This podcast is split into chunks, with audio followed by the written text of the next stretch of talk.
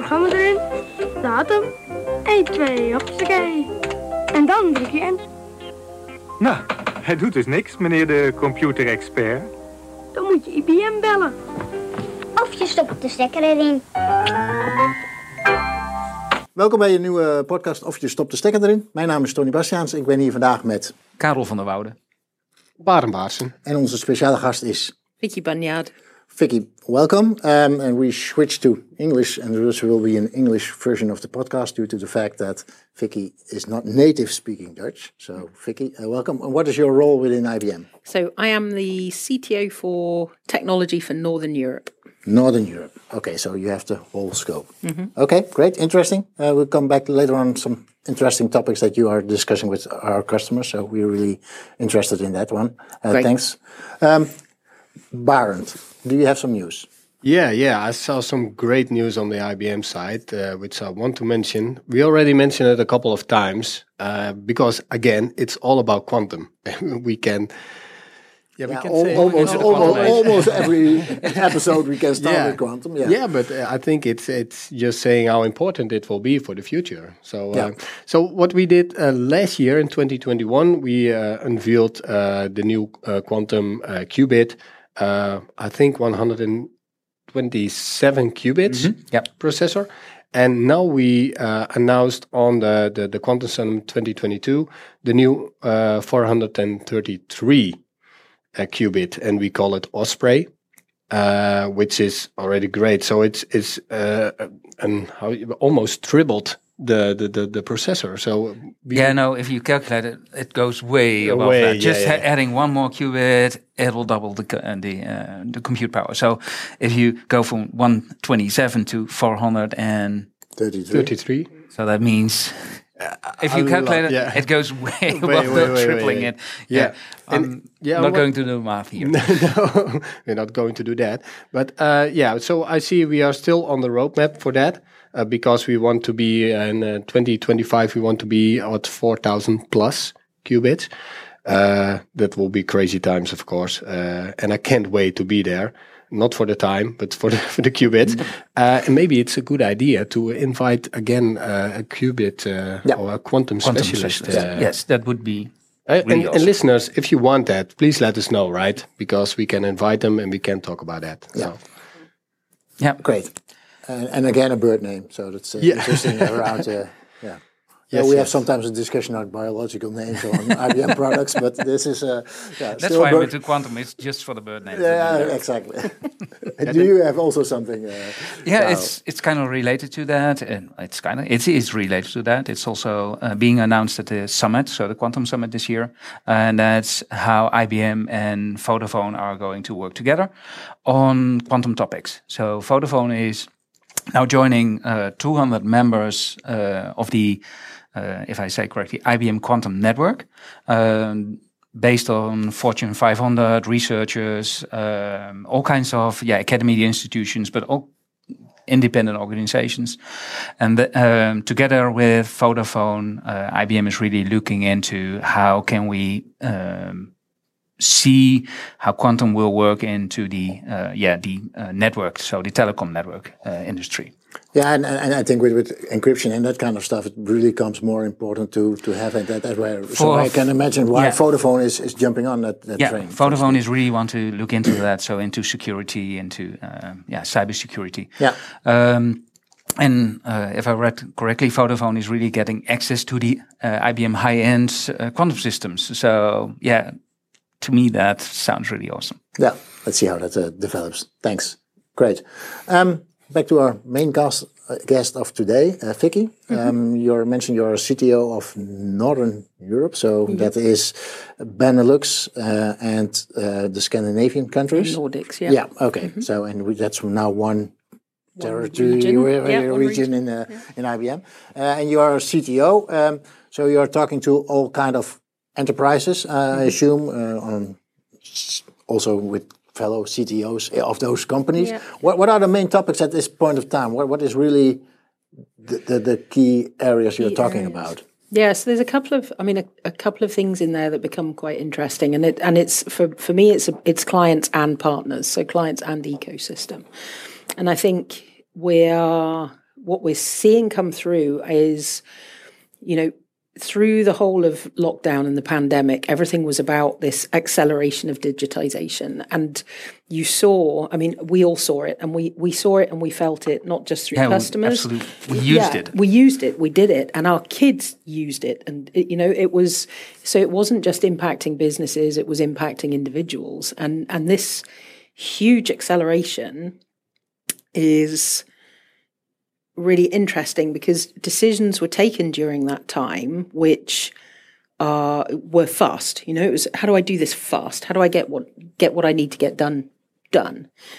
And you also, if you kind of couple that a little bit with the transformations that we saw organizations going through before that, where the the move was towards digitization, I think we're starting to get more and more into these conversations around okay, and now I have this technology landscape and it's it's maybe slightly grown in a way that is maybe not strategically thought through and a Yeah. little bit more opportunistic and a little bit more well okay and now I've added something else and now I've added something else and, Yeah, and due to the fact that they had to act Exactly. exactly Yeah, fast yeah, because exactly. the, the people must keep on working. So you've got to keep going you've got to keep working you've got to keep you know and and so but but i think what we're starting to hear come through a little bit now is okay now we're in this situation okay are we where are we where are we running at risk and and there's there's a next iteration of this digitization journey which is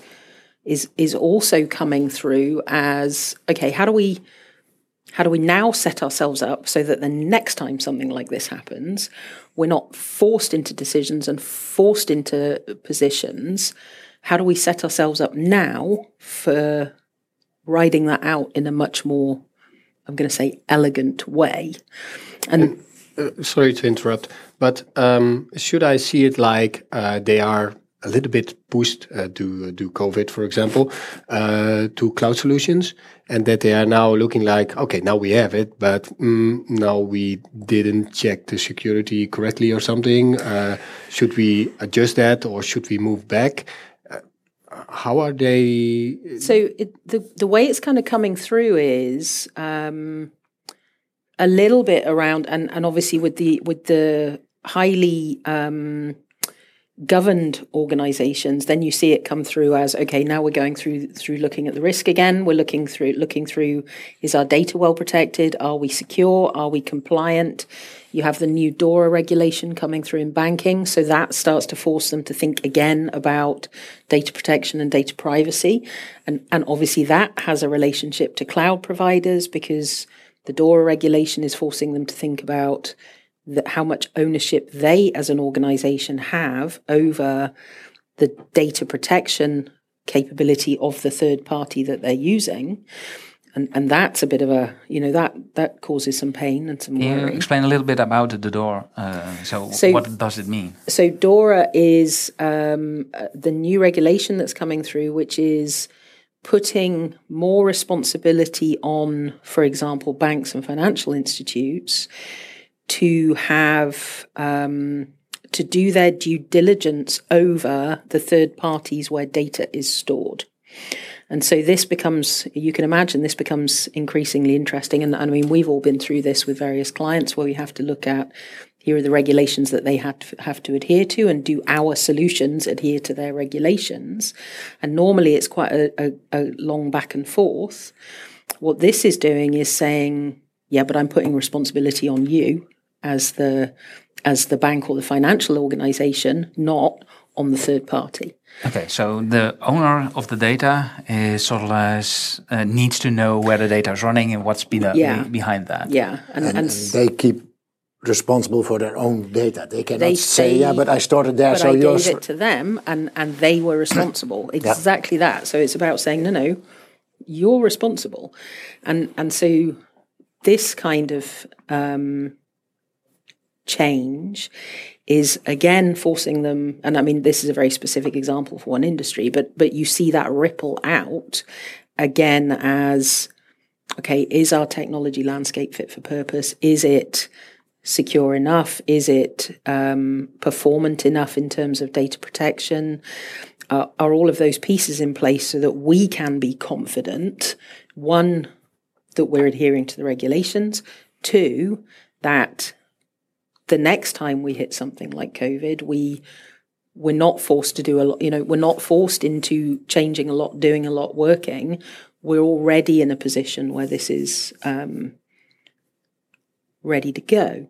And of course, this is you know for us, this is really interesting because this is our hybrid cloud story. Yeah, I was So- thinking, yeah how do you then the answer to? yeah so the so the response to all of that is really talking about or thinking about our hybrid cloud story how do our systems fit together how um you know how and how do we think about and i i, I want to frame this in the right way because because for me personally i always think the the important piece about this is about saying we live in the real world and our customers live in the real world and they have a technical environment which looks as it does and it's not real to ask everybody any i mean for a long time the the the the perceived wisdom was okay now you need to centralize everything you need to change everything you need to modernize everything you need to and you need to get to this one homogeneous environment and maybe one cloud and maybe one and it's rubbish Yeah. this is not the real world and what i really like about our hybrid cloud thinking is this is about saying no no we all live in the real world. You all have these complex technology landscapes and and how do we help you to make those performant to make them secure to make them flexible so that the next time we get hit with some kind of shock we're able to you know okay well in the, and i need to take this out. I need to put this in because i need a different type of capability.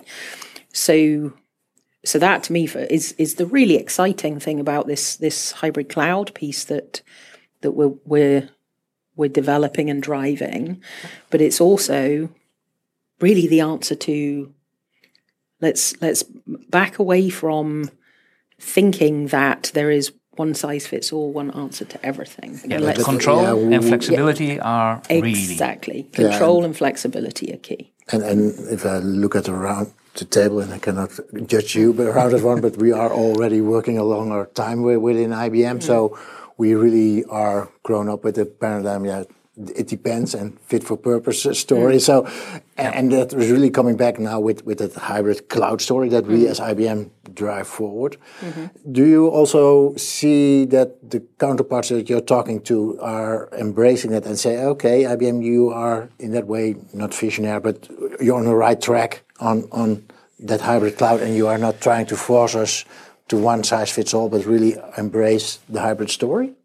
Yeah, I think so. And I think that, I mean, always with these things, you know, we have our terminology for this and it's, and it, and they maybe are not, you know, they're maybe not necessarily using the hybrid cloud terminology yet, but I think they, they appreciate two things. One is that we are not coming in and saying, okay, well, the answer to what you're trying to do is you've got to throw away everything you've done and start again. Yeah, because they nobody can do that. It costs too much. It costs too much resource, and frankly, it, it's it's also not smart because you don't gain everything by doing that. And I think that, so. I think they they appreciate that we're coming with a real answer.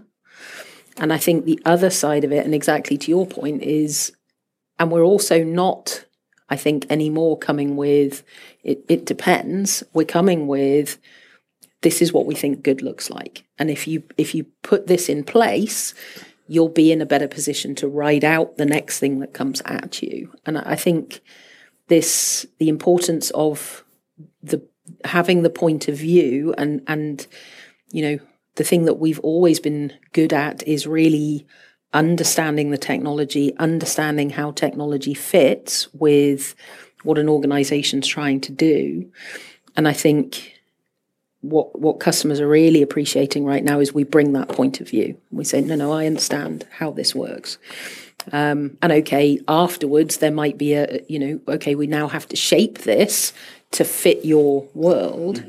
But I but I think that those two pieces now are, are really the bits that are valued. And, and, and as a systems person, uh, I really appreciate that you mentioned technology, technology that really brings out that IBM still is a technology company. And we, of course, we started already with the nice work we do with quantum that is amazing. But I think in also in other areas, we still are a technology company. We are developing stuff. And it is not only consultancy what we do, we, we, we have Yeah. technical solutions for, for problems.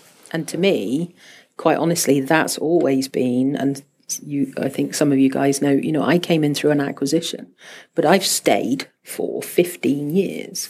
And why have I stayed? Well, it's because the huge differentiator that we have is we don't just come with okay and here is you know here is the big change that you need to go through to to you know this big organizational operational change that you need to to go through we can do that and we don't, also don't come with okay here's this fabulous little bit of technology that's really exciting go do that what we do is we go no, no, we're a technology company. We've got everything in the box that you could possibly need, but we also understand the technology landscape. And the thing that we do, I think, really well is to be able to say, I know what you have, I know what you're trying to do, and, and I'm able to take you from from here to here. Yeah, Yeah.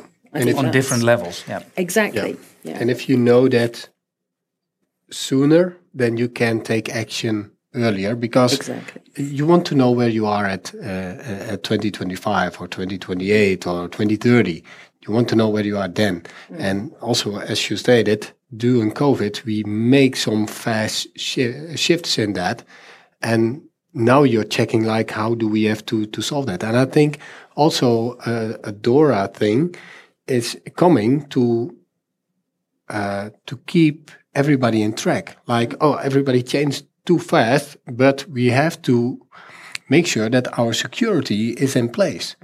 So let's put a regulation on, on that, so everybody is is is is yeah compliant to to those rules. To that point, and and it goes back to the C-suite IBV study from I think 2020, and there was a piece in there about you know organisations who are successful before pandemic versus uh, organisations who are being successful through the pandemic, and what are the characteristics of that, and um, it's really interesting to go back and read that. But uh, one of the one of the things in We there. should do, put that in the podcast, by the way. It would be good. in the notes. um, it would be good. Um, but one of the things in there is about embracing regulation. And, and this is a really interesting one because you're right. The whole point of regulation is to help to steer in a good direction. But the other thing it does, and I, I think people miss this sometimes, is by putting constraints in place, you drive innovation. Innovation doesn't work if you if you're in a in I can do I can do absolutely anything. So what am I going to do? Second, you start to put a box around something, people try and fight their way out of the box. So Yeah, the same with development. If you give them all the freedom they want, you just go internet, uh, internet, grab everything, build something. But yeah, then But- what do you yeah. have in the end? exactly, exactly. Oh, that's, that's Nice way of thinking. Yeah, yeah, yeah, yeah. Out of the box, oh no, in the box. There's a from an out of the box to an in the box kind of working there. Yeah. yeah. Uh, okay, that's great. So, so I think a lot of companies are uh, maybe complaining, ah, another regulation, but you say it, it really helps them to to to get it, get embrace it. yeah. embrace it and, and give direction in what way to go Yeah, and, yeah, yeah. and keep it on that way. Okay, yeah. And I think for the and this one is particularly interesting, I think, because one of the things I've seen is we have not well very well addressed this shared responsibility in these more federated technical and technology technology landscapes where you know in the past okay i had everything in i had everything in my building i had walls around my building and therefore i was secure. I don't own all of the tech and therefore i don't own all of the security and i don't own all of the access control. And this this shared responsibility that we have for our technology landscapes is something I think, and and we know that that's being explored in security, and we know we've got a li- lot of really good solutions in security to support that. But I, a personal belief is, as an industry, we've not embraced that enough and not understood that enough. And and this type of regulation starts to force us to think more about that.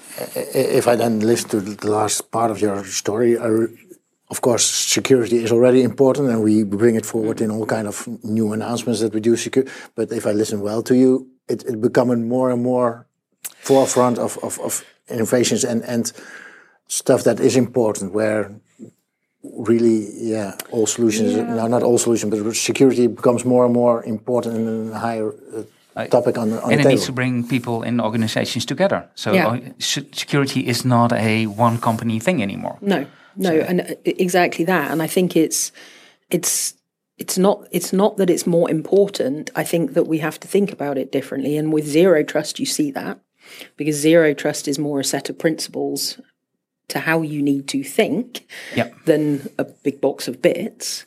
But I think what it's what it starts to do is to force us to, and I'm kind of backing away from that statement because we've all got our secure by design and and and okay, we put it on our secure platform and that's all great. And I think the but the responsibility for that security becomes in individual developers. It's in, you know, the the designer who's thinking about, okay, I want to do it this way, but but is this really smart given how how we're going to fit all of these things together? So it becomes increasingly important that we think about it holistically, and I think it becomes increasingly important that we stop thinking of it as being you know the security is is about the CISO and his team or her team. It's not. It's The organization. It's the whole organization and how the whole organization. and then you come back know sort of of as to to a box and make sure that it's constrained, and then find your way out of that. and then find your way to be innovative in that. yeah. Hmm. Great, thanks. Um, I think we are. Yeah, I get the no, not on, on the other hand, the other part of the table. Uh, really, thanks, really, uh, being here. Um, very interesting. You gave me at least a lot of food for thought, so I'm going to process that and really look at some. see- I'm, I'm going to look that- into uh, at boxes a little bit different. Yeah, that's super good. And, and a real good Finding my way out of each one. Yeah, exactly. Uh, really appreciate it. Thanks, Vicky. Thank Uh, you. En voor nu, uh, we tre- trekken de stekker eruit. We Hij gaat weer uit. out Tot de volgende. the plug. Hey, thanks. Bye-bye. Bye-bye.